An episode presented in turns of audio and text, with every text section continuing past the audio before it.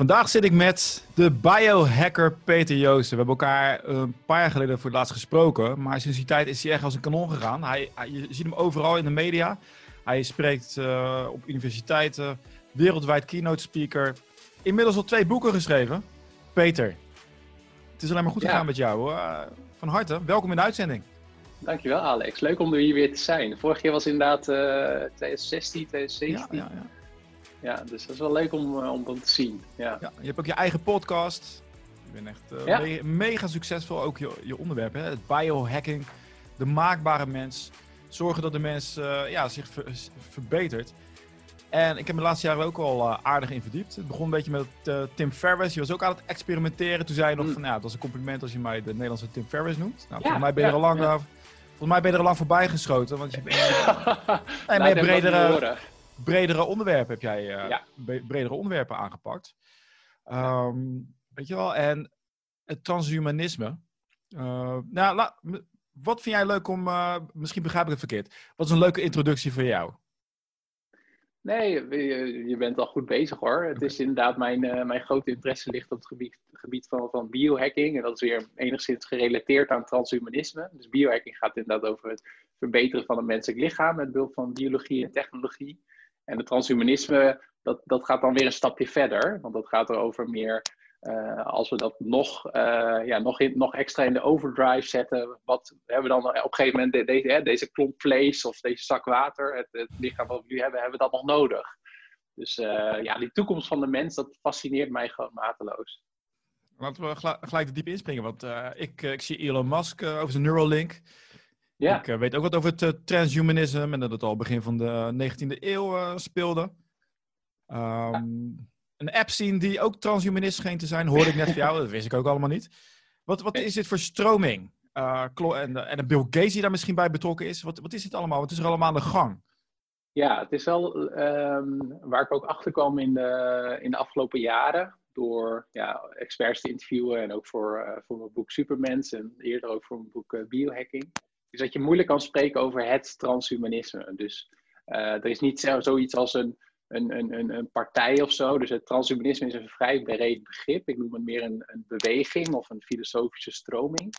En eh, het gaat, de kern is wel van, eh, dat we nu door middel van biologie en technologie in staat zijn om de grenzen die we als mensen hebben, om die te doorbreken. Dus de grenzen zou je kunnen denken aan eh, de grenzen aan onze leeftijd, of eh, de grenzen aan onze fysieke vermogens, of onze eh, cognitie, wat je net al noemde rondom eh, Elon Musk en, eh, en Neuralink.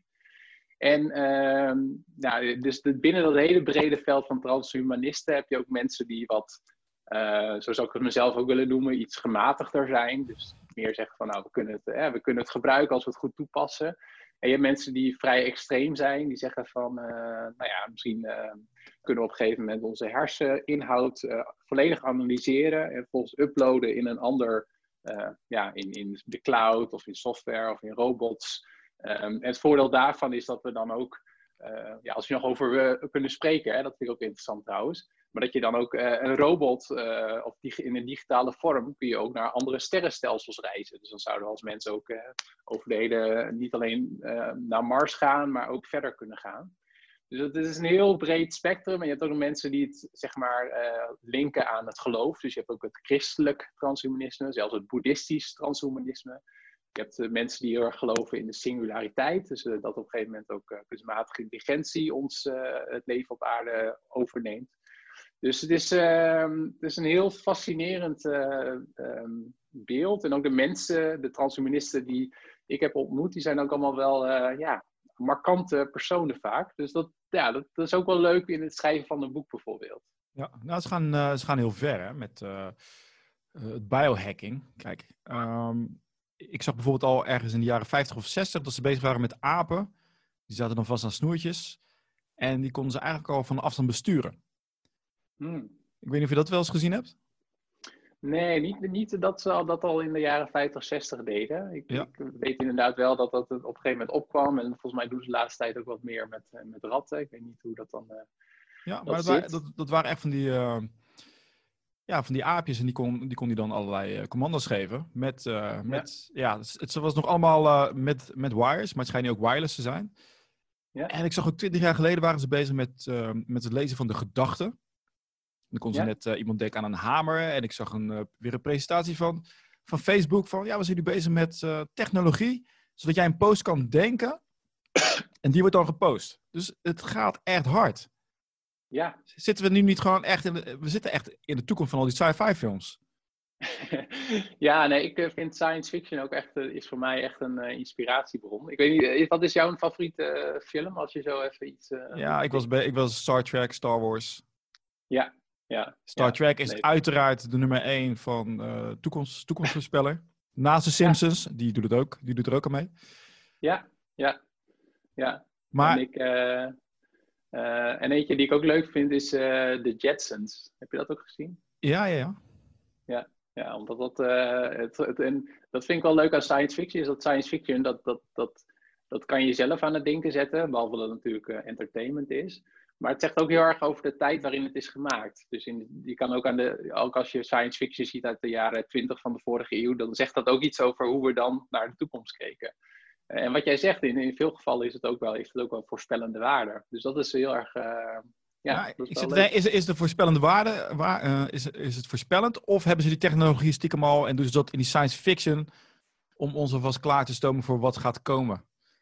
Nou ja, dat is, uh, uh, dat is wel een interessante. Ik heb was een keer bij een lezing uh, van iemand en die zat wat meer in de uh, samensweringstheorieën. En die had wel die theorie over Hollywoodfilms. Dus dat je iRobot en Ex Machina en nou ja, dat soort science fiction hebt. En dat dat ook een soort van ja, samenswering is met de grote technologiebedrijven om ons als mensheid daarvoor voor te bereiden. nou, zelf geloof ik daar niet heel erg in. Ik denk, misschien is dat naïef, maar ik geloof er meer in dat filmmakers uh, ja, zelf te raden gaan bij wetenschappers. Van oké, wat is er nu? Dat doe ik zelf ook. Wat, is er, wat gebeurt er nu? En als je dan die lijn doortrekt, dan kun je al met scenario's op producten komen. Om, en dan op die manier die dan ook verwerken, zeg maar, in, in je serie of in je show of in je film. En, uh, en, en, dat is denk ik hoe het gaat. Ja, nou, ik vind het allemaal, ik vind allemaal verdacht. Vooral uh, die science fiction schrijven nou ook weer van um, Blade Runner. Uh, is dat Philip K. Dick? Juist, die had ook veel, veel toekomstvoorspellingen. Hij heeft heel veel films gemaakt. Die uh, Total Recall. Ja. Uh, maar ook bijvoorbeeld in Blade Runner was een stukje weggehaald over dat je je eigen emoties kon besturen. En was, oh, een man, ja, was een man en een vrouw. En dan, die, die, die vrouw die wilde eigenlijk meer emoties voelen. En die man die zei van, nee, weet je wat, druk gewoon het knopje in en je voelt niks meer. Ja. Maar dat zijn allemaal dingen die nu allemaal, hè, het is 30 jaar later, die allemaal naar boven komen. Dus je kan, straks kan je emoties besturen. Ja. Uh, je kan je gedachten besturen. Je kan uh, inderdaad misschien uploaden in, uh, in de Matrix. Ja. Ja, dus, en als je ook nadenkt van misschien hebben we dan ook hele... Hè, jij bent ook een podcaster. Hebben we dan ook... Is dat ook een oud medium? Want dan hebben we, weet ik veel, telepathische uitzendingen, telepathische podcasts of zo. Veel sneller. En, nou, heb, je, heb je die uitzending gezien van Elon Musk bij Joe Rogan? Dat hij aangaf van, ik denk over drie jaar. Hij is heel snel dan hebben we allemaal zo'n uh, Neuralink in. En dan hoeven we niet eens meer te praten, omdat we elkaars gedachten kunnen lezen. Ja, ja. Ja, Neuralink is wel een van de ehm, ja, bedrijven in dit gebied wat ik wel heel close, hoe zeg dat, heel, heel goed volg. Met name omdat ik het wel, weet je, er wordt veel, veel gezegd over Musk. En ik heb ook zo'n autobiografie uh, als luisterboek geluisterd. Vond ik ook wel echt een aanrader trouwens. Hoewel dat niet over Neuralink gaat. Het gaat meer over de periode daarvoor met uh, PayPal en uh, Tesla en dat, die zonnedingen en zo. En SpaceX. Maar het is wel iemand die, ehm, ja, die, die een visie heeft. En nou, soms een timelines wel een beetje overschat of zo. Of eigen. Maar hij, hij werkt er wel aan. En dat, dat fascineert me wel. En wat ik wel interessant vind, want dan gaat het over brain-computer interfacing, is, is dat de visie van een bedrijf zoals Neuralink of ook uh, Cornell bijvoorbeeld, is dat, uh, door de her, dat, dat het invasieve methoden zijn. Dus dat je inderdaad een, in de schedel moet. En zij hebben dan een ja, revolutionaire technologie met die robot die 100.024 draadjes er zo inschiet. Maar toch denk ik dat er mensen uh, eerder geneigd zijn om, om non-invasieve methoden te gebruiken, als dat goed genoeg werkt. Dus volgens mij werkt Facebook daar ook aan. Dus dat je niet iets hoeft te implanteren in je, in je schedel, maar meer dat je een hoofdband hebt die aan de buitenkant van je, van je brein zit. Uh, het nadeel daarvan is natuurlijk dat het minder precies is, want dan moet je, moeten ze die hersensignalen oppikken en dan moet nog door de, nou, door de schedel en door de, die, die, die waterscheiding of die scheiding die er nog zit. Maar ik geloof wel dat de meeste mensen toch die keuze zullen maken, en dat komt ook in verschillende onderzoeken naar voren, en dat vind ik ook wel erg logisch, dat, je, uh, dat ik zo'n apparaat opzet uh, en dan met brain-computer interfacing kan communiceren met, met, met, machines of met software. En als mijn dag voorbij is, dat ik hem weer afdoe. Uh, in plaats van dat ik nou echt iets blijvends in mijn hersenen heb. Maar ja, dat, dat is uh, lastig. Dus stel je voor dat zo'n implant van Neuralink daadwerkelijk echt veel, ehm, ja, veel meer kwaliteit geeft voor het aflezen van hersensignalen. Dat ze inderdaad ook signalen kunnen terugsturen. Ja, dan zou het wel zeg maar, een business case voor mensen kunnen zijn om het wel toe te passen. En ja, het, het, voelt soms gek om daarover over te praten. Alleen ja, die ontwikkelingen, wat je zegt, gaat wel heel erg snel. Ik hou hiervan. Het is helemaal niet gek om. Ik vind het echt leuk dat ik jou spreek. Hoe komt het? Kijk, ik, ik heb veel verschillende hobby's. Hè? Ik kijk ook naar uh, machtsverhoudingen. Uh, Sun Tzu, Art of War, hou ik allemaal van. Transhumanisme, heel interessant ook hoe uh, Aldous, hoe heet die? Aldous Huxley, begin van de 19e eeuw. Dus al die boeken schrijven over de toekomst, totalitaire staat. Hoe komt het dat mensen, als ze denken, oh die Neuralink, oh ik zet iets in mijn hoofd, wat handig, dat, dat gaat mij helpen. Dat ik dan de persoon ben die automatisch denkt van, je weet dat die dingen gehackt kunnen worden. waarom, zijn men, waarom, waarom mis ik dat vertrouwen? Ik heb al die science fiction films gezien. Ik, we zijn voor mij rond dezelfde leeftijd. Opgegroeid met de Terminator, Star Trek, Star Wars. Het gaat altijd mis. En volgens mij hangt mijn beeld nu. Ben ik weer terug? Ja. Hoor je me? Oké, cool. Het gaat altijd mis. Um, wat was nou die laatste? Ja, zelfs Elon Musk. Een paar jaar geleden waarschuwde hij voor AI. Hij zegt, dit wordt echt een groot kwaad. Dus de Pandora's box die open gaat. En mm. even later komt hij met de Neuralink aan. hey, zet het in je hoofd. Paar sneetjes. niks aan de hand. Wat mis ik? Um, wat mis je? Dat is echt een superleuke vraag trouwens. Ik denk dat... Uh, nou, in het geval van Neuralink moest ik eraan denken van hij, dat die twee dingen wel met elkaar in lijn zijn. Want uh, om even verder te gaan om, Musk, hij zegt van ja, inderdaad, als we AI uh, zijn, zijn of haar gang laten gaan, dan, dan, dan zijn we doemd als, uh, als mensheid. En dat initiatief van Neuralink is ook een idee van nou, de enige manier waarop we nog enigszins, of enigszins nog een rol hebben als mensheid is als we daadwerkelijk mergen, dus samensmelten met kunstmatige intelligentie. Dus daar zal dan ook dat hersenimplantaat uh, voor dienen. Dus, maar los daarvan is het wel inderdaad wel. Ik denk dat de meeste mensen die waarschuwingen, of het nou is in, in Brave New World of in die films, dat dat meer wordt gezien als uh, entertainment. En wat mij betreft ook goede entertainment. Maar ik vind het wel een terechte opmerking voor jou, en dat probeer ik ook in mijn boek Supermens bijvoorbeeld naar voren te laten brengen. Dat technologie op zichzelf is, is super interessant, maar eigenlijk wordt het nog interessanter als je nagaat van oké, eh, wie gaat het gebruiken, wanneer, uh, wat voor invloed heeft dat op machtsverhoudingen uh, tussen mensen, tussen werkgevers, werknemers, tussen landen bijvoorbeeld. en precies wat jij zegt, van alle techniek kan, kan gehackt worden. Ehm, en hoe meer techniek we eigenlijk ook in ons lichaam gaan stoppen, moeten we ook wel zekerder van zijn of ieder geval bewuster van zijn van de risico's. Dus ik heb ook een, eh, een verhaal geschreven over uh, Dick Cheney, een van de vorige vicepresidenten van de Verenigde Staten. en die, uh, die, heeft, uh, die, had een, of die heeft een pacemaker, maar toen hij vicepresident was, toen heeft hij ook de Bluetooth-verbinding van zijn pacemaker laten uitzetten. want hij, had, hij was bang voor, en dat is ook een, ik weet niet, ik zal geen spoilers geven, maar in de serie Homeland komt eenzelfde soort scenario voor hij was bang dat terroristen konden inbreken op die Bluetooth-verbinding. En hem dan zeg maar eh, in de over, die pacemaker in de overdrive zouden kunnen zetten. En hem dan een hartaanval zouden verzorgen. En een andere hacker, eh, Barney B. Check, heeft dat ook al, eh, heeft dat toen ook een jaar later of zo aangetoond dat het mogelijk is. Dus um, hoe meer, en dat, maar dat, dat, diezelfde discussie zou je kunnen zeggen speelt rondom zelfrijdende auto's of Internet of Things, allemaal apparatuur in je huis. We, Um, we gebruiken steeds meer technologie in ons leven, maar we weten ook steeds minder goed hoe het werkt. Dus als ik naga naar mijn opa bijvoorbeeld, nou, die, als er iets mis was met zijn auto, dan kon hij dat repareren. En mijn vader is ook best wel handig, die komt ook wel een eind. Maar tegenwoordig, als ik een auto zou hebben, zeker bijvoorbeeld een Tesla, ja, als daar iets mis mee is, dan eh, heb ik geen idee. En dus ik ben volledig afhankelijk van, van die technologie. En dat gaat wel heel vaak goed. Uh, denk aan die pacemaker, uh, denk aan die zelfrijdende auto.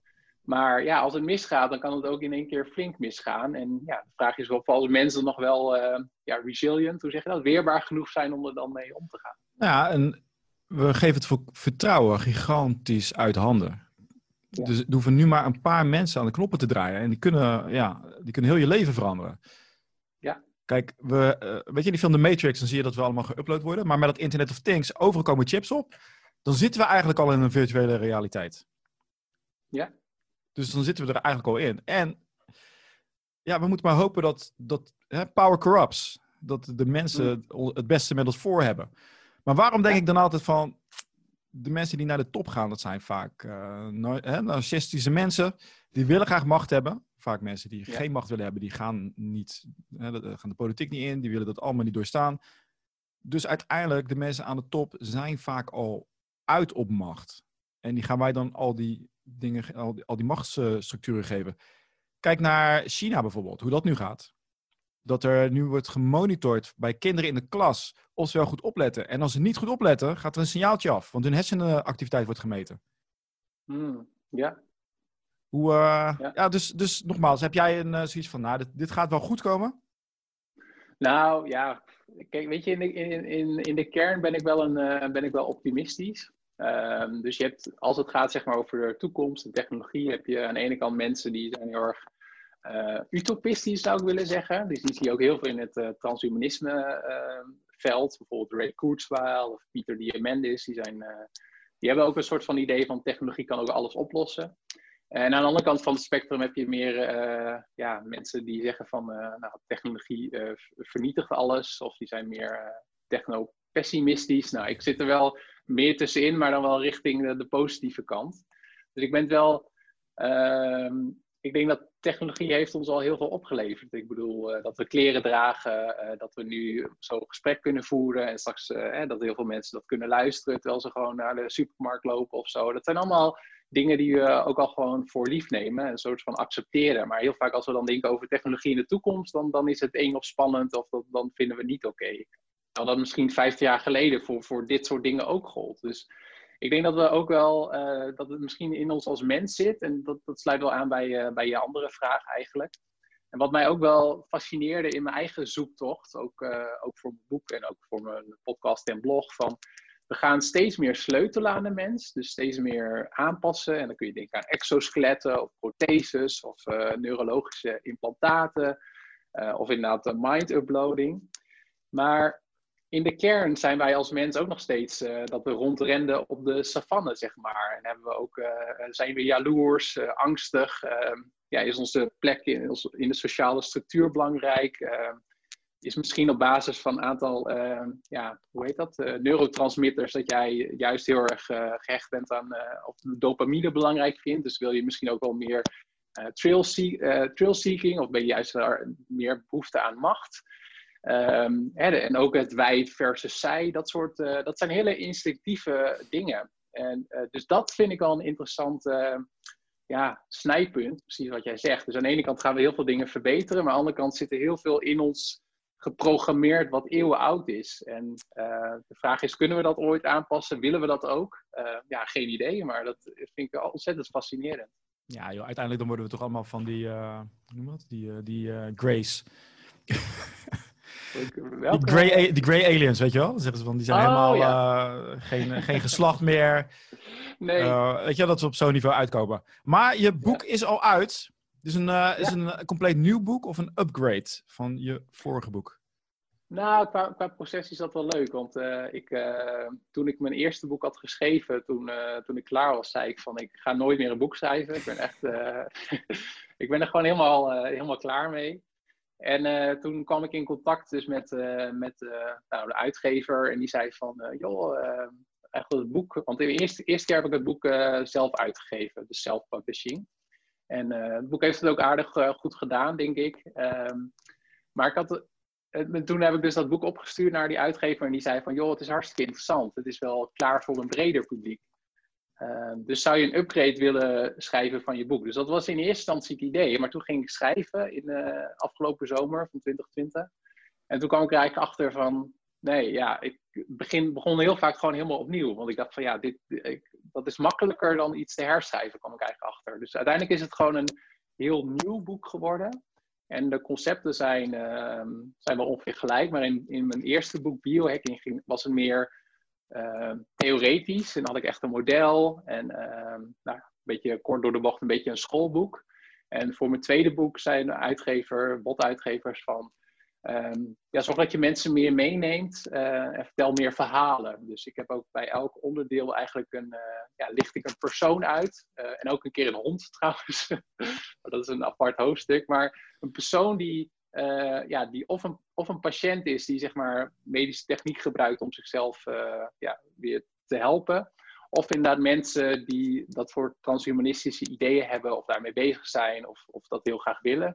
Dus elk hoofdstuk draait eigenlijk om een persoon en aan de hand daarvan, aan een verhaal, leg ik, leg ik meer een... Uh, een dan, dan, wil ik het horen ook. Heb je een paar smeugen waarvan we zeggen van wow, nou, een van de uh, verhalen die me eigenlijk wel het meest heeft geraakt was een, uh, een uh, Thais meisje. Thais meisje uit Thailand is van, van drie jaar. En ehm, zij is overleden aan een hersentumor. Alleen haar ouders die hadden genoeg geld en die waren ook heel, zijn ook heel erg overtuigd van, ja, van wetenschappelijke vooruitgang. Dus die hebben haar aangemeld voor cryogene preservatie of cryogene suspensie. En dat is ook wel een item wat heel veel science fiction uh, voorkomt, zoals Passengers of uh, die film met Sylvester Stallone. The Militia Man. Uh, ja, dat die echt. ja, Ga gelijk, wow. ja, ja, maar er zijn dus mensen die, dat, die nu in die staat zitten. Dat zijn nu iets van 170 mensen die in cryogene suspensie zitten. En kijk, ik kan dat wel begrijpen enigszins van, uh, nou, van mensen die, die 60, 70 zijn en die dan overlijden ook aan, uh, aan iets en die genoeg geld hebben en zoiets hebben van, nou ja, als ik nu overlijd, dan weet ik haast zeker dat het voorbij is. En ik wil mezelf een extra kans geven om later nog, want dat is het idee van, je overlijdt nu aan iets. Um, en als je dan overlijdt, dan word je heel snel door, door een team word je, zeg maar, geprepareerd. En er komt een soort van antivries in jou, uh, in plaats van in je bloed uitgehaald, er wordt een soort antivries ingedaan. En dan het idee is van, nou ja, misschien is de, uh, kan de medische wetenschap over 100 jaar of uh, eh, 500 jaar, die, die kan je dan weer tot ontdooien en tot leven wekken. En dan weer jou helpen zodat je van die aandoening af bent. En, maar wat me dus fascineerde is dat er dus een meisje van twee of drie jaar in die staat verkeert. En, en dat vind ik ook een soort van filosofisch zo interessant. Van, stel je voor dat, zij, dat het lukte hè? en ze wordt over 100 jaar tot leven gewekt. Dan, ja, dan zijn haar ouders waarschijnlijk al lang overleden. En, en hoe is dat dan voor haar? En, nou, dat vond ik wel echt, eh, dat is wel een van de verhalen. Ik vind het echt ongelooflijk. Ik wist het, ik wist het dus niet. Ik dacht echt, dit is nog science fiction, maar uh, dus wel. Maar uh, nee, ik zou het zelf nooit doen, want dadelijk uh, zit je geest uh, vast in je lichaam. Je weet maar nooit hoe dat zit, hè, met die andere dimensies. Ja. ja, en ik denk ook van, los, los van andere dimensies, van ja, kan je brein dat wel aan? Dat je, ja, ik weet niet. Ja, het komt eruit als een plantje. Ik, dit, dit, ja. ik, ik, heb je er nog eentje? Dit vind ik echt leuk. Nou, ik, ja, ik, eentje die ik ook wel een beetje in dezelfde categorie vind zitten, is ehm, is een, uh, een, eh, een, man uit uh, Wit-Rusland. En die heeft toen in Ierland en VS gestudeerd. En die was heel veel bezig toen met de ontwikkeling van chatbots. En hij heeft ook een vriendin, die was er ook heel veel erg mee bezig. En toen werd hij op een gegeven moment in 2018 of 2017 werd hij overreden in, in Moskou. En zijn vriendin was natuurlijk ook ja, vol van verdriet. En die zij had zoiets van, ja, het, um, zo'n zo, uitvaart en, uh, zo'n urn of zo'n zo'n boek met foto's, dat, dat is het niet echt. Dus toen heeft zij, um, ja, voor de mensen die luisteren en die Black Mirror kennen, komt dit wel bekend voor. Toen heeft zij eigenlijk alle chatberichten en alle social media berichten van hem uh, ja, in een AI gestopt. Uh, en daar een chatbot van gemaakt. Dus nu zegt ze van, ja, kun je als het ware met hem weer chatten alsof, het, uh, ja, alsof hij nog leeft. Dus een soort van virtuele avatar, een soort van digitale over, ja, overlijdens. Uh, en wat ik ook heel interessant vond, is dat bijvoorbeeld zijn vader, die moest er echt helemaal niks van hebben. Uh, maar zijn moeder, die had echt zoiets van, ja, het, het, het mij om, om, om het overlijden van mijn zoon weer een plekje te geven. Dus dat vind ik ook, ja, ja, vind ik ook een fascinerend voorbeeld. We, zitten gewoon, we leven nu in die toekomst. Dit, dit komt toch uit ja. Superman? Ja, ja. Toch? Zijn vader, die dan geprojecteerd werd. Ja, precies. Ja, Want ze kunnen nu ook... Dat... Ja, dus nu heb je die, die stem, die heb je al. Uh, je hebt het gezicht. Dus kunnen al uh, dat deepfake kunnen ze maken. Uh, dus voor je het weet heb, kan je gewoon met iemand, met, met een overleden persoon praten op het scherm. Ik weet zeker dat het nu al kan. Ja, en dat je dan... Ja, de, is, is er nog iets wat er niet... Hologram hebt. Ja, nou dat, dat zit er ook wel. Is dat er al? Ja, toch? Ja, ja, ik denk het wel. Ja, ja. Wat zie jij nu um, voor ons in de toekomst? Hè? Want ja, ik zit altijd weer... Ik zit wel richting die uh, conspiracy gedoe. Maar dat vind ik ook lekker sappig en interessant. Ik vind het gewoon leuk. Mijn hoofd gaat er naartoe. Ik ben ex-agent geweest. Ja. Dus altijd kijken van, oké, okay, wat, wat zouden boeven doen? Weet je, dan ga ik kijken ook met, met, bijvoorbeeld met die nanobots. Ben je daar ja. uh, een beetje thuis in? En dan kijk ik en dan ja. zie ik gewoon Amerikaanse bedrijven die investeren in, uh, in Wuhan uh, met, nanobots, met, met nanobot technologie. Ik zit altijd te kijken, wat zijn, wat zijn ze ermee aan het doen? Want het, hmm. wat, ja. Hoe zie jij de, de nanobots voor je?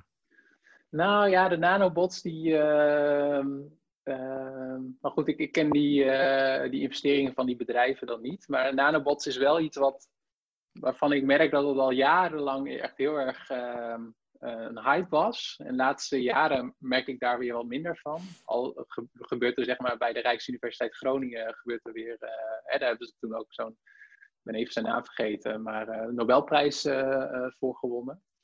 Maar af en toe lees ik wel van, en dat vind ik wel interessant, want aan de ene kant kunnen we dus elektronica steeds kleiner maken.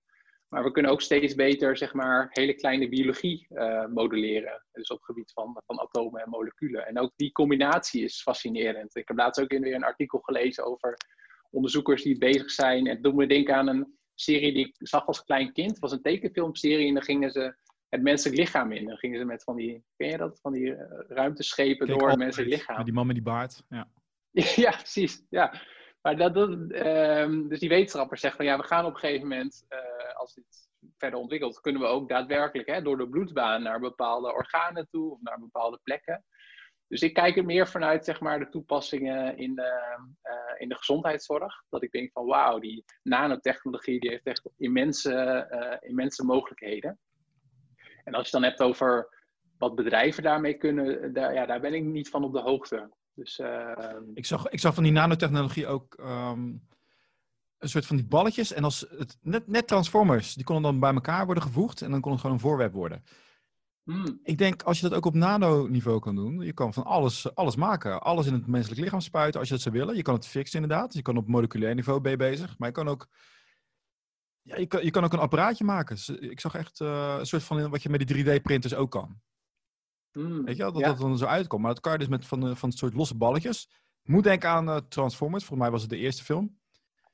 dat er ook zo'n wezen uh, uit balletjes bestaat. En uh, merge tot één, één wezen. Ja. Maar dat, dat is ja. dus ook al. Dus ik, ik zit echt te denken, wat is er nu, wat missen we nog? Alle, van Black Mirror, alles komt eruit. Ja. Alles ja, hebben we al zo'n beetje dat is wel aan de ene kant wel fascinerend, maar af en toe ook wel een beetje beangstigend. Want zijn we er klaar voor dat het er is? Of wordt het al... Ja, die, uh, die man ja. van Black Mirror die zei van ja, dit seizoen sla ik over, want uh, het is al gek genoeg in de wereld. ja, ja, dat heb ik ook gelezen, ja. ja. Weet je wel, en inderdaad, uh, ik ben er gefascineerd door, ook door dat, dat uploaden in de Matrix. Van, dat je nu in de mainstream media heel erg ziet van dat wij nu al in een holografische, in een holografisch universum leven. Heb je, daar, hmm. heb je dat al gehoord? Nee, heb ik niet gehoord. Dus dit, zijn, uh, dit, dit, is niet, dit is niet de conspiracy, maar dat wij, uh, dat dit al, uh, dat ook een computercode is gevonden in de natuur. En allerlei aanwijzingen die erop duiden dat wij nu al in een, een soort matrix zitten. Dus ja. het zijn niet de conspiracies, ja. het is echt mainstream al waar ze mee bezig zijn. Ja. En ook zelfs met, een, met een zwart gat bijvoorbeeld. dat zeggen, in een zwart gat is eigenlijk een holografische projectie van wat er aan de buitenkant van het zwarte gat zit. En dat deze wereld waarschijnlijk dus ook een holografische projectie is van wat daar buiten zit. Kijk, ik val het dus allemaal niet. Ik zeg het nu wel. Maar als je kijkt op het kleinste niveau, dan zie je ook met die, die, um, moleculen en lagen, dat wij eigenlijk al uit energiedeeltjes bestaan die in en uit deze realiteit flitsen. En dat, vinden, dat vinden ze heel raar, maar dat kan dus te maken hebben dat we nu al in een soort computersimulatie zitten. Dus het is, uh, dat kan je allemaal ook opzoeken. Dat gaat echt ver. Maar dit wordt mainstream al uh, bediscussieerd, ook met die Neil deGrasse Tyson bijvoorbeeld. Het zijn leuke oh, onderwerpen op YouTube hoor. Ja. Dus dan zitten we nu al in de Matrix. uh, ja. ja, Musk heeft er ook al wat over gezegd. En dat is wel, ja, stel je voor dat wij weer een, een Matrix gaan maken. Dat is zo... Ja, dat verhaal hè, dat je in een Matrix in een Matrix zit. Ja. En dat is die, uh, misschien ook die, uh, ja, die, waar die Kurzweil over heeft. Die, uh, wat zei die nou? Die singulariteit. Ja. Waarschijnlijk in 2030 al, hè? Dat snap je. Ja, ja, er zijn veel mensen die hem daar weer op aanvallen. Maar hij valt vaker, heeft hij met bepaalde voorspellingen heeft hij bij het rechte eind gehad. Dus ehm, ja, ik vind het wel, wel Weet je, ken, je, ken je die robot van Boston Dynamics? Die, die hond of die... Al die robots. Ja, ik, weet je, het is... Nou, ik kan me nog herinneren dat ik dan keek op, uh, was op televisie, zo'n Japanse robot. En die kon dan net, was net een soort astronaut en die kon dan net lopen. Dat was echt wauw. Ik heb het idee dat ik eventjes met mijn ogen heb geknipperd en ik zie opeens robots backflips doen. Ja, ja. Wat is er? Het lijkt alsof het meer dan exponentieel gestegen is. Heb ik dat mis? Is er iets gebeurd wat ik gemist heb? Jij zit in die technologie. Nee, nee, ik denk, ik denk dat je, um, wat je ziet is juist wel die exponentiële groei. Um, dus dat gaat erom dat oorspronkelijk met de wet van Moore, als ik het, uh, dat zijn verschillende definities van, maar dat om de 18 maanden dat uh, het aantal transistoren dat je op zo'n vierkante centimeter kan stoppen, dat dat verdubbelt, de kosten halveren, opslagcapaciteit, procescapaciteit ook allemaal verdubbelt en dan krijg je inderdaad een uh, exponentiële groeicurve. Wat je volgens mij ook ziet, dus dat is voor, uh, wat je ook ziet, is dat die uh, ontwikkelingen elkaar ook weer versterken. Volgens mij zie je dat heel erg met Boston Dynamics. Dus dat je, als je exponentiële groei hebt op het gebied van elektronica en kunstmatige intelligentie en misschien ook inderdaad inzichten in biomechanica, sensortechnologie, ja, dan is het precies zoals jij mooi beschrijft. Van uh, ene, ene, moment kijk ik daar en dan heb, kijk ik terug en dan zie je in één keer zo'n enorme vooruitgang. Um, dus dat is wel ja, dat is. Uh, en als je dan nadenkt van waar, waar gaat dat naartoe? Als, als robots dit al ja, kunnen, ik zie het wel, intelligentie uh, dit al kan. Ik zie het wel hoor. Heb je, uh, Skynet bestaat echt, hè? Ken je dat? Ik, van, ik ken dat uit, vanuit de films, maar... Ja, nee, er is in China een echt bedrijf wat zichzelf Skynet heeft genoemd. ja. Serieus? Wat maken ze dan? Een technologiebedrijf. Ik weet niet meer. Maar, maar ja. de maker ervan was ook fan van, van de Terminator. Hmm. Dus het is allemaal, alles komt uit. Het is allemaal in die films is het al naar voren gekomen. We hebben de, de ja. cyborgs hebben we. Ja. De Matrix hebben we, dus dit komt allemaal naar voren. Jij was in het verleden ook bezig om jezelf te upgraden met allerlei experimenten. Vandaar de, dat ik jou de Tim Ferriss van Nederland noemde. Wat heb jij nu ja. allemaal in je lichaam gestoken? Heb jij allemaal, uh, wat voor uh, chips heb jij nu? Uh, nou, nu valt het eigenlijk wel mee. Ik heb eigenlijk één chip nu. Ik ben wel bezig met de tweede, om het tweede te laten plaatsen. Uh, en de, deze chip, ja, je kan, hem, uh, je kan niet zo goed zien, maar hij zit in, in mijn linkerhand tussen mijn duim en mijn wijsvinger. En hij is ongeveer het groot van een rijstkorrel. En daar staat nu mijn visitekaartje staat erop. Dus met een telefoon, met NFC-reader kan ik mezelf scannen en dan heb ik dat. Um, maar ik ben ook bezig en nou ja, misschien is het al zover als deze aflevering online komt. Om een, je kan bij, bij een bank in Nederland, ABN mag ik vast wel noemen, kun je ook uh, met... Uh, je zit op internet, kom op. ja, wearables, uh, wearables betalen, hè? Dus horloges ja, ja. en dingen. En ik heb contact met een bedrijf dat heet Dangerous Things in Amerika. En die zeggen van, nou je kan zo'n bepaald type wearable kopen. Dat is een sleutelhanger. En als je die sleutelhanger naar ons stuurt, en je neemt bij ons een dienst af, dan kunnen wij dat verwerken in een implanteerbare chip. Dus ik heb dat uh, een tijdje geleden gedaan. Dus ik wacht nu op uh, dat die implanteerbare chip uit Amerika terugkomt. Dat lijkt mij heel leuk als ik dan een uh, kop koffie ergens bestel en dan niet met een met mijn mobiel afrekenen of met mijn pinpas of met cash of met een wearable, maar met mijn hand kan afrekenen. Um, want dan heb je altijd geld bij je. Ja, je weet nu wat dieven gaan doen, hè? Die, gaan, die komen, ah, die hand moet ik hebben, hop, ja, zat dat ook in Demolition Man, toch? Of, ja. Uh, of was het met de ogen of zo? Ja, Juist. Ja, het, ik ja. zeg, alles staat, alles staat er al. Uh, alles, alles is al voorspeld. Ja. Maar jij bent onze, uh, noem je het, kanarie in de coal mine. Ja. Kijk of met jou, met jou goed blijft gaan. Als je stemmen gaat horen in je hoofd, moet je oppassen. heb, je daar trouwens, heb je daar trouwens van gehoord? Het heet, uh, dat is technologie, gepatenteerd. Het heet uh, The Voice of God. Wel eens van gehoord? Nee, ken ik niet. Je, je oren die, uh, die vertalen de geluidsgolven in elektrische signalen, toch? Mm -hmm. Ik weet ook niet hoe het werkt, maar zo heb ik het begrepen. Maar ze kunnen nu dus je elektrische signalen op jouw hoofd afvuren. ja, vuren, zodat mensen om jou heen het geluid niet horen, maar jij wel. Wauw. Ja. ja. En het is al uh, lang geleden gepatenteerd en uh, het leger gebruikt het in, in oorlogen. Om, uh, ja, zo kan je mensen, je kan allerlei stemmen in het hoofd projecteren van iemand. Dus ja. aan de ene kant je kan iemand helemaal gek mee maken en je kan ook hele lieve boodschappen geven. Ja. Ja. Maar zo, zo, kan je dus zorgen dat een heel leger leidt aan massahallucinatie. Dus ze schijnen Oh, het al gebruikt te hebben. Ik heb me er niet heel erg in verdiept, maar ja, het gaat ver die technologie. Nou, het, le of leuk dat je het zegt, wel interessant dat je het zegt, want de leger is wel een van de, dus je hebt van die uh, ja, biohackers en menselijke proefkonijnen, zoals ik zelf die uh, dingen uitzoeken. Ik vind sport vind ik ook een interessant voorbeeld van, nou, waar mensen ook de grens op zoeken. En dan kun je denken aan EPO en aan uh, ook de Paralympische Spelen. Wat je daar ziet is ook echt ongelooflijk. Maar inderdaad ook DARPA is een onderdeel van het Amerikaanse leger. Dat doet heel veel op het gebied van hele radicale technologie die zoeken ook wel het randje op. En dat, uh, dat, die zijn ook bezig met brain-computer interfacing. Die zijn ook bezig, vond ik ook fascinerend. Want ik uh, vind uh, CRISPR-Cas9, dus genetische modificatie, ook uh, ontzettend interessant. Daar gaat ook een hoofdstuk over. En het Amerikaanse leger, of DARPA, is ook aan het kijken van... Um, je hebt een, bepaald organisme, dat heet het tardigrade. Dat is een beerdiertje.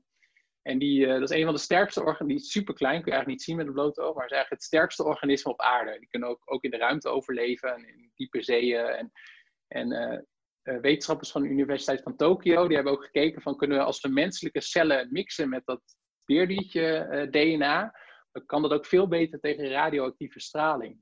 Dus DARPA en ook de NASA is aan het kijken van ja, wat als je mensen daarmee aanpast, hè? dat je soldaten beter tegen straling kunnen of in de ruimte, dat je beter tegen ruimtestraling kan. Dus dat zijn heel van die, um, ene kant beangstigende dingen, zeker. Maar ook, uh, ja, het is ook een, een, een driver voor hele ja, snelle vooruitgang op al die technologieën. Dus, uh, dat was uiteraard Universal Soldier. Ja, Daarin hebben ze gedaan. Nou ja, dat schijnt dus ook uh, dat, dat in de toekomst dat er mensen, het rijke Westen, die kan zichzelf helemaal modificeren. Maar dat er een, de arme landen die blijven achter en dat je dan een tweedeling krijgt in de mensheid. Eentje die helemaal geupgrade ja. is en eentje die uh, ja, oud is. En volgens mij was het ook een hele oude film, The Time Traveler. Dat je dan uh, hm. de wezens bovengronds hebt en de wezens ondergronds. Zeg die ja. CRISPR waar je het over had, hè? Dat, het genetisch modificeren. Je hebt nu ook thuiskits, dus mensen kunnen zelf aan de gang om genen te modificeren.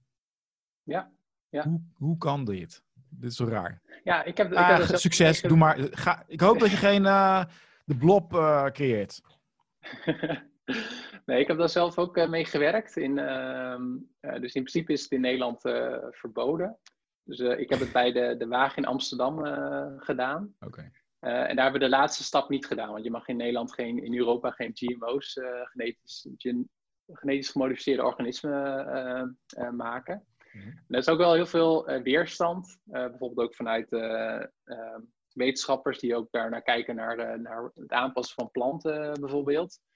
Um, en ook een leuke detail is dat in afgelopen ja, najaar van 2020 hebben ook de twee ja, niet ontdekkers, maar die hebben een hele belangrijke stap gezet. Jennifer Doudna en Emmanuel Charpentier hebben ook de Nobelprijs uh, gewonnen voor CRISPR-Cas9. Dus het is inderdaad een uh, ja, massive ontdekking en technologie. Want eigenlijk het, het, aanpassen van DNA doen we natuurlijk al heel lang. Denk aan het veredelen van planten of fokken van dieren of, ja, of door chemische straling of door dat soort dingen. Alleen met CRISPR-Cas9 is veel beter, goedkoper en efficiënter en uh, makkelijker dan die eerdere technologieën.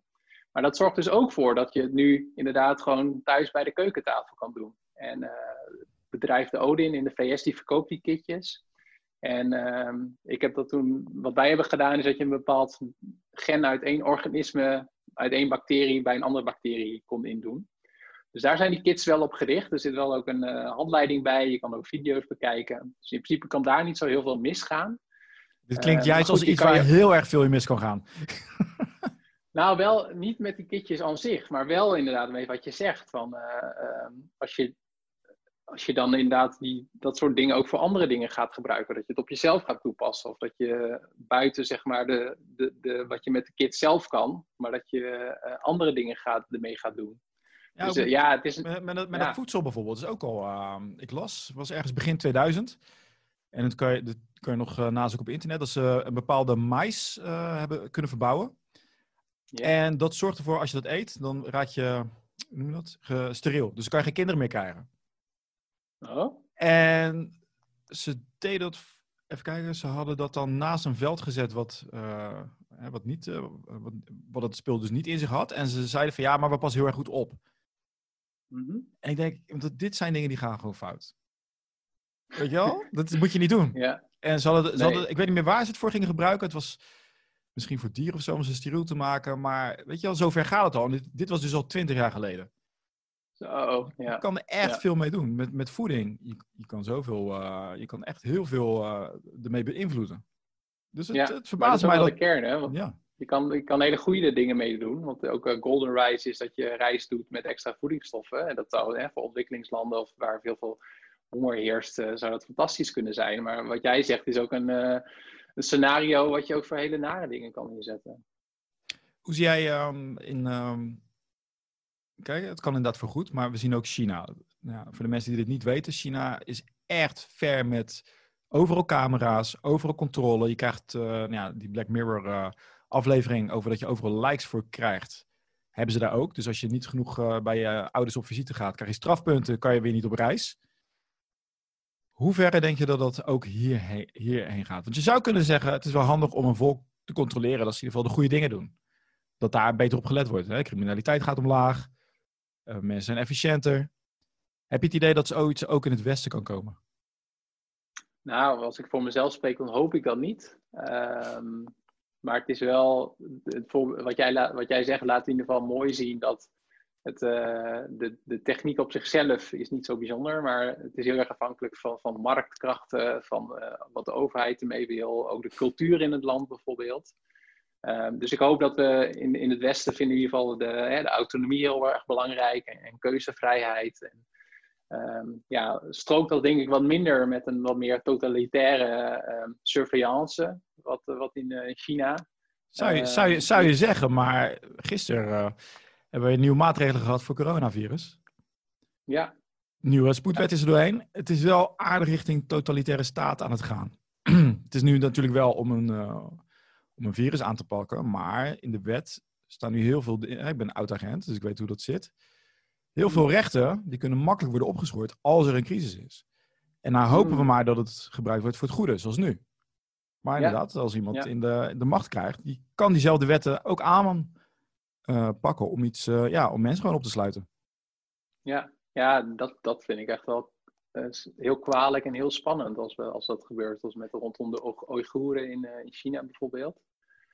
En uh, ja, het is wel echt een, een, Dat zijn meer politieke vragen, inderdaad. Of maatschappelijke vragen. Van, uh, ja, vinden we het oké dat bepaalde dingen inderdaad worden opgeschot voor een crisis? Maar ja, moeten we dan vertrouwen hebben? Of moeten we dat dan ook borgen dat het weer wordt teruggedraaid als de crisis voorbij is? Ik denk dat dat, dat soort dingen wel heel erg belangrijk zijn. Ja. Is, er, is er iets van techniek dat we kunnen toepassen om die controlemaatregelen um, beter toe te passen. Ik kan me zoiets voorstellen van, oké, okay, jij politicus, jij, jij, jij bent aan de macht, maar we gaan wel kijken of je eerlijk en integer bent. Wil je dit even op je hoofd doen? Gaan we dat checken. Hmm, ja. Uh, ja, oeh. Heb, er komt een soort van iets, een hint bij mij uh, terug van ook een uh, science fiction serie of film. Dat inderdaad ook het gedrag van politici constant getracked wordt. Volgens mij, misschien zat het in het boek The Circle. Ik weet niet of je dat kent. Het gaat nee. ook een beetje over scenario wat je net zei over dat iedereen overal wordt getracked en gemonitord en uh, likes worden, worden bijgehouden. Um, dus dat denk ik niet. Ik weet wel, Kevin Caddy is een uh, auteur en oprichter van Wired, heeft daar ook wel eens wat interessants over gezegd. Die zegt van ja, nu is het heel erg dat wij uh, dat privacy, of ja, het gebrek aan privacy eigenlijk één kant op werkt. Dus technologiebedrijven weten heel veel over ons, de overheid weet heel veel over ons. Maar eigenlijk zou je naar een systeem moeten gaan dat, dat ook transparant is dat, hè, wat, wat, uh, wat zij over ons weten, bijvoorbeeld. Of hè, waarvoor ze het gebruiken. Dus dat, ik denk dat dat een, een eerste ehm, uh, oplossing kan zijn. Dus, en dat is niet, niet zozeer een technologische oplossing, maar dat heeft ook veel meer te maken met, uh, ja, met, met regels of beleid of überhaupt gewoon ah, de, de, bereidheid om daarin transparant te zijn. Heel erg belangrijk. Over het brein was je ook bezig met die neurotropics. Is er nog iets waardoor ik meer kan onthouden, slimmer word? Is daar nog iets in veranderd? Um, nootropics, nou, heb ik het over? Uh, ja, nootropics voor mensen die luisteren zijn brein, breinpillen. Dus uh, supplementen, niet voor je gezondheid of voor je spierkracht, maar om even tijdelijk extra geheugen of focus of concentratie te hebben. En ik gebruik dat zelf ook nog steeds af en toe. sommige gebruik ik om beter uit mijn woorden te komen. Of als ik echt even focus nodig heb voor een artikel. Ook met het schrijven van het boek heb ik het gebruikt. En ehm, ja, dat helpt me wel. Maar ik, ik ben eigenlijk nog wel echt even aan het wachten op nog meer geavanceerd. Dus een, een, techniek die ik ook wel gebruik is, uh, dat heet uh, eh, TDCS. Dat heet Transcranial Direct Current Stimulation. En dat is eigenlijk een soort van dat je een zwakstroompje op je hoofd zet. En uh, met als doel dat dat stroompje zeg maar bepaalde hersengebieden stimuleert. En je hebt dan één stand voor meer focus en één stand voor meer ontspanning. En ehm, ja, dat, dat, dat vind ik wel heel interessant. En dat, heb ik ook wel zelf heb ik daar wat wisselende ervaringen mee. Maar ik heb wel artikelen gelezen van mensen die daar echt super enthousiast over zijn. Gamers die dat uh, gebruiken om uh, ja, beter te kunnen richten in uh, Call of Duty of in andere games. Um, ook binnen zeg maar handelaren in New York die dat gebruiken voor ja, echt, echt die competitive edge, zeg maar. en als ik erover vertel, vinden mensen het heel spannend. Snap ik ook wel. Hè? Elektriciteit op je hoofd. Maar ik vind dat wel, ik denk dat dat wel de, uh, ja, iets is om one to watch, om het zo maar te zeggen. Ja, ja het werkt wel. Je kan echt gebied, hersengebieden uitschakelen en opeens zie je geen beweging meer bijvoorbeeld. Ja. Het is echt uh, heel erg gecompartimaliseerd in je hersenen. Je denkt, dit is realiteit, maar wij zijn eigenlijk een, een computer die alles zit te decoderen constant. Ja. Dus je kan er heel veel in tweaken. Dus, uh, maar je hebt nog geen, ja. hoe noem je dat, die limitless pill. Wat was het ook weer? De... ja, limitless. NTZ48, NZT48. nee, naar mij weten, ik heb hem nog niet gevonden. ja, maar het is altijd, er zijn altijd kosten aan verbonden. dan heb ik het niet over de prijs, maar je neemt extra energie weg van iets anders in je hoofd. Dus je krijgt er altijd last van. Dus het is echt tijdelijk. Ik denk nog altijd van als mensen gewoon goed letten op hun sport en voeding en slaap, dat dat, het meeste, dat het meeste oplevert. En zo'n pil klinkt leuk, maar hoge kosten zijn eraan verbonden. Hey, uh, wat, wat is nou... Uh, niet een uh, quick fix, ja. Ja, het is wel een quick fix, maar er is, er is een prijs. En ja, misschien kan je er verslaafd aan raken. Het kan psychologisch dat je er verslaafd aan raakt. Zeg, we zitten nu in die, de coronacrisis. Iedereen zit thuis. Heb jij, uh, zie jij nog gevaren voor de mensheid qua als sociaal wezen en hoe we dat kunnen oplossen? Bijvoorbeeld met technologie of iets wat jij weet? Want ik zie dit als een, uh, een groot uh, issue namelijk. Ja, ja, nee, nee, ik ook. Um, vind ik wel lastig. Dus um, ja, ik denk dat de coronacrisis ook wel laat zien hoe kwetsbaar we als mens zijn. ik denk dat ook wel meer bekend wordt. Wat ik in, vanuit mijn interesse interessant vind, is waarom lijkt het bij sommige mensen zeg maar, een grotere impact te hebben op de gezondheid dan bij anderen? Ligt het ook aan, uh, er wordt ook gekeken naar DNA bijvoorbeeld, dat vind ik fascinerend. Um, maar ik merk ook wel van, ja, ja ik, daar hadden we in het begin van het gesprek ook over, dat wij als mensen natuurlijk ook sociale wezens zijn. En we zijn ook geëvolueerd om, om in groepen samen te, te, leven en uh, ja, we zijn ook geëvolueerd om heel goed emoties te kunnen aflezen, omdat dat gewoon vroeger ook heel belangrijk was voor ja, of, of, je, of je de volgende dag nog leefde of niet, of om inderdaad signalen in, in de bosjes op te pikken. Um, en ik merk dat dat, dat dat nu wel minder is. Dat dat ook als je dingen online doet, dat dat minder is. Dus ik, ik ben wel ik ben, hoewel dat niet mijn expertise is, ben ik wel geïnteresseerd in wat als we nog steeds meer, meer zintuigelijke ervaringen kunnen toevoegen? Dus dan kun je denken aan virtual reality. Of uh, dat ik uh, nog meer mezelf kan verplaatsen, ook qua gevoel bijvoorbeeld, in, in andere werelden. Um, ja, dus dat, dat, dat, heb ik er, dat is denk ik wat, wat ik erover ja, over weet. Heb jij nog interessante dingen gezien? Ja, een vriend van mij is inderdaad ook bezig met uh, virtual reality. Die heeft dan heel uh, Rotterdam al nagebouwd. Maar het is van, uh, van Second Life. Moet je het er heel goed uit. En daarin kan je dus... kijk, op, ik weet niet, met Zoom-gesprekken, ja, dat is toch niet helemaal het. Maar het schijnt een hele ja. nieuwe ervaring te zijn. Hmm. Je kan, uh, ja, je, je hebt wel een, een andere avatar, je kan je anders voordoen. Maar weet je, ik kan me voorstellen als je daar ook geur en allerlei andere dingen, aspecten aan koppelt, dat het aardig lifelike kan zijn. Ja. Dus ik vind, ik vind, wel, vind het wel interessant. En voor de rest, ja, je hebt echt wel menselijk contact, heb je nodig, hoe ja, introvert je ook bent. als, je als je niet met mensen praat, dan, uh, dan gaat het toch mis. Want je, je mist inderdaad die interactie, dat heb je nodig om, uh, al is maar om nieuwe ideeën te krijgen. Ja. Of om, uh, om je lekker te voelen. Of om eventjes uh, dat contact. Ik weet niet of dat, hoe dat zit met. Of je nog een energieveld uitstraalt. Maar er schijnt ook wel uh, een en ander mee te maken te hebben. Van dat jij. dat je ook in de buurt komt van andere energieën. Maar dat is allemaal heel speculatief. Ik weet niet precies hoe dat werkt. Maar ik vind, het ik vind spannende tijden. Ook juist met die technologie. Hè? Nu ook met die apps. je was op EDCNL erbij. Ja, Zag ik? klopt ja. Ja, dus, ja het ging over niet zozeer een app, maar uh, ik heb een slimme ring. En uh, oh. die ring die zet sensoren op. En die meten mijn hartslag, lichaamstemperatuur en uh, slaapkwaliteit. En ehm, ja, die fabrikant van die ring die werkt samen met de universiteit in San Francisco. En die zeggen van nou, deel je data met ons. En dan moet ik ook af en toe een questionnaire invullen. Van nou ja, hoe voel ik me? Is bij mij COVID gedetecteerd, gediagnosticeerd en een aantal andere dingen. En als ze dat natuurlijk van een heleboel mensen samen krijgen, dan uh, kunnen ze daar analyses op uitvoeren. En het idee wel is, ik weet niet hoe het nu staat met het onderzoek, van ja, als we zouden we op een gegeven moment ook een soort van voorspelling kunnen doen. Van hé, uh, hey, we zien nu dat je temperatuur omhoog gaat, je gemiddelde hartslag gaat s'nachts omhoog. Um, en uh, we hebben gezien bij vergelijkbare mensen met jouw profiel, dat uh, 90% toen twee dagen later een diagnose COVID kreeg. Dus dat is denk ik um, ja, dat vind ik zeker wel interessant. En daar zie ik, dat, dat denk ik van ja, het is toch uh, juist door het dragen van dit soort wearables dat je daaraan kan bijdragen. Ja. Jij, krijgt, jij krijgt al die leuke speeltjes krijg jij uh, opgestuurd. ja. Dat is wel gaaf. Ja, dat, is slim, uh, slim dat aangepakt. van mijn werk, ja. Ja, dat heb je goed gedaan. Oké, okay, wat voor soort... je bent ook een, een spreker op dit gebied. Hè? Van wat, wat voor soort bedrijven... Waarom zouden bedrijven hier aandacht aan moeten besteden... voor degenen die nog niet over de streep zijn gegaan ik weet wel waarom. Je moet je voorbereiden op de toekomst. Maar wat kan jij nou leveren als jij bijvoorbeeld, je spreekt ook voor de overheid. Ja. Uh, je laat ze weten van waar ze op moeten letten. Wat gebeurt er nou als je dit niet doet als bedrijf?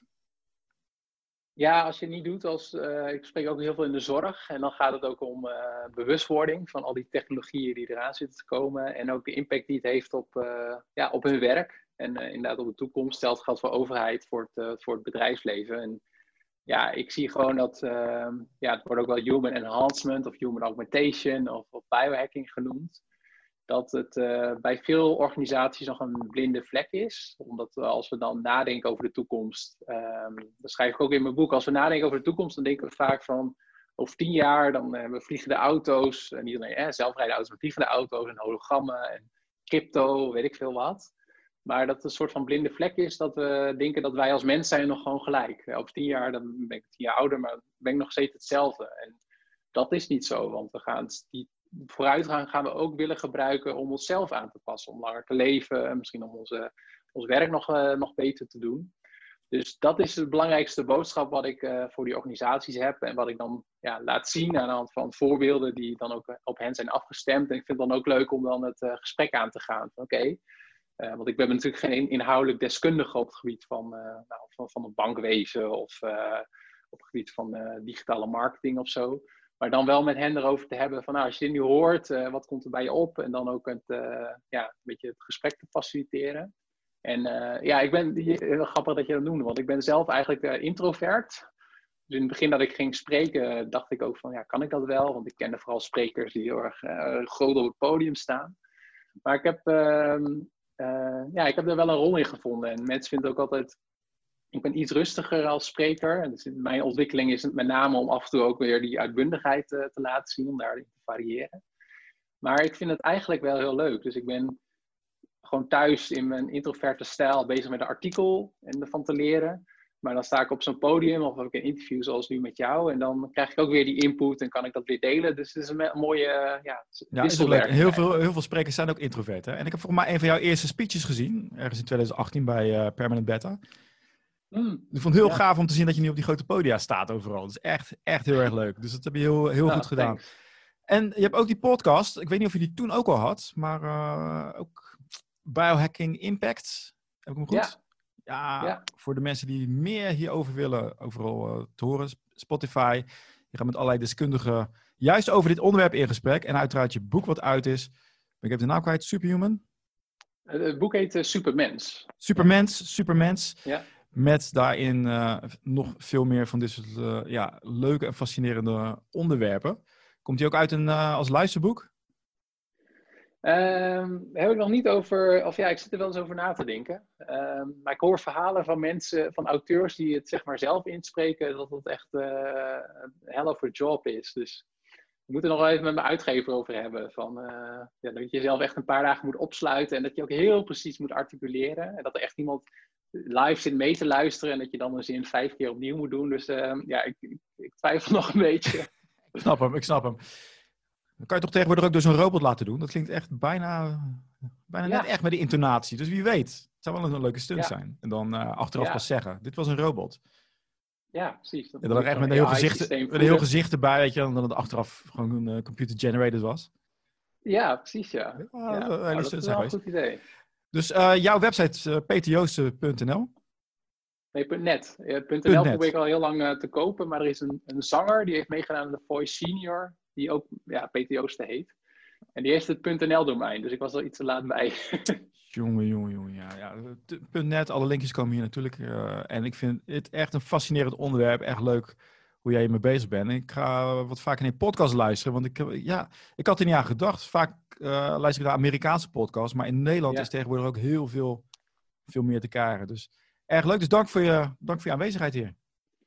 Ja, en jij bedankt voor uh, de uitnodiging. En ik heb ook een aantal dingen opgeschreven. Dus ik had ook de Time Traveler heb ik nog niet gezien. En uh, die Voice of God technologie. Ik ben nu bezig met een artikel over supersoldaten. En uh, nou, als, als, dat ga ik even checken. Maar dat is natuurlijk ja, interessant om daar al meer over te studeren. Ga ik hem van die linkjes sturen nu, hè? Dat begrijp je wel. Ja, dat is goed.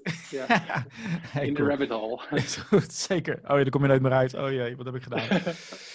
hey, bedankt Peter. Yes, jij bedankt Alex. Hoi.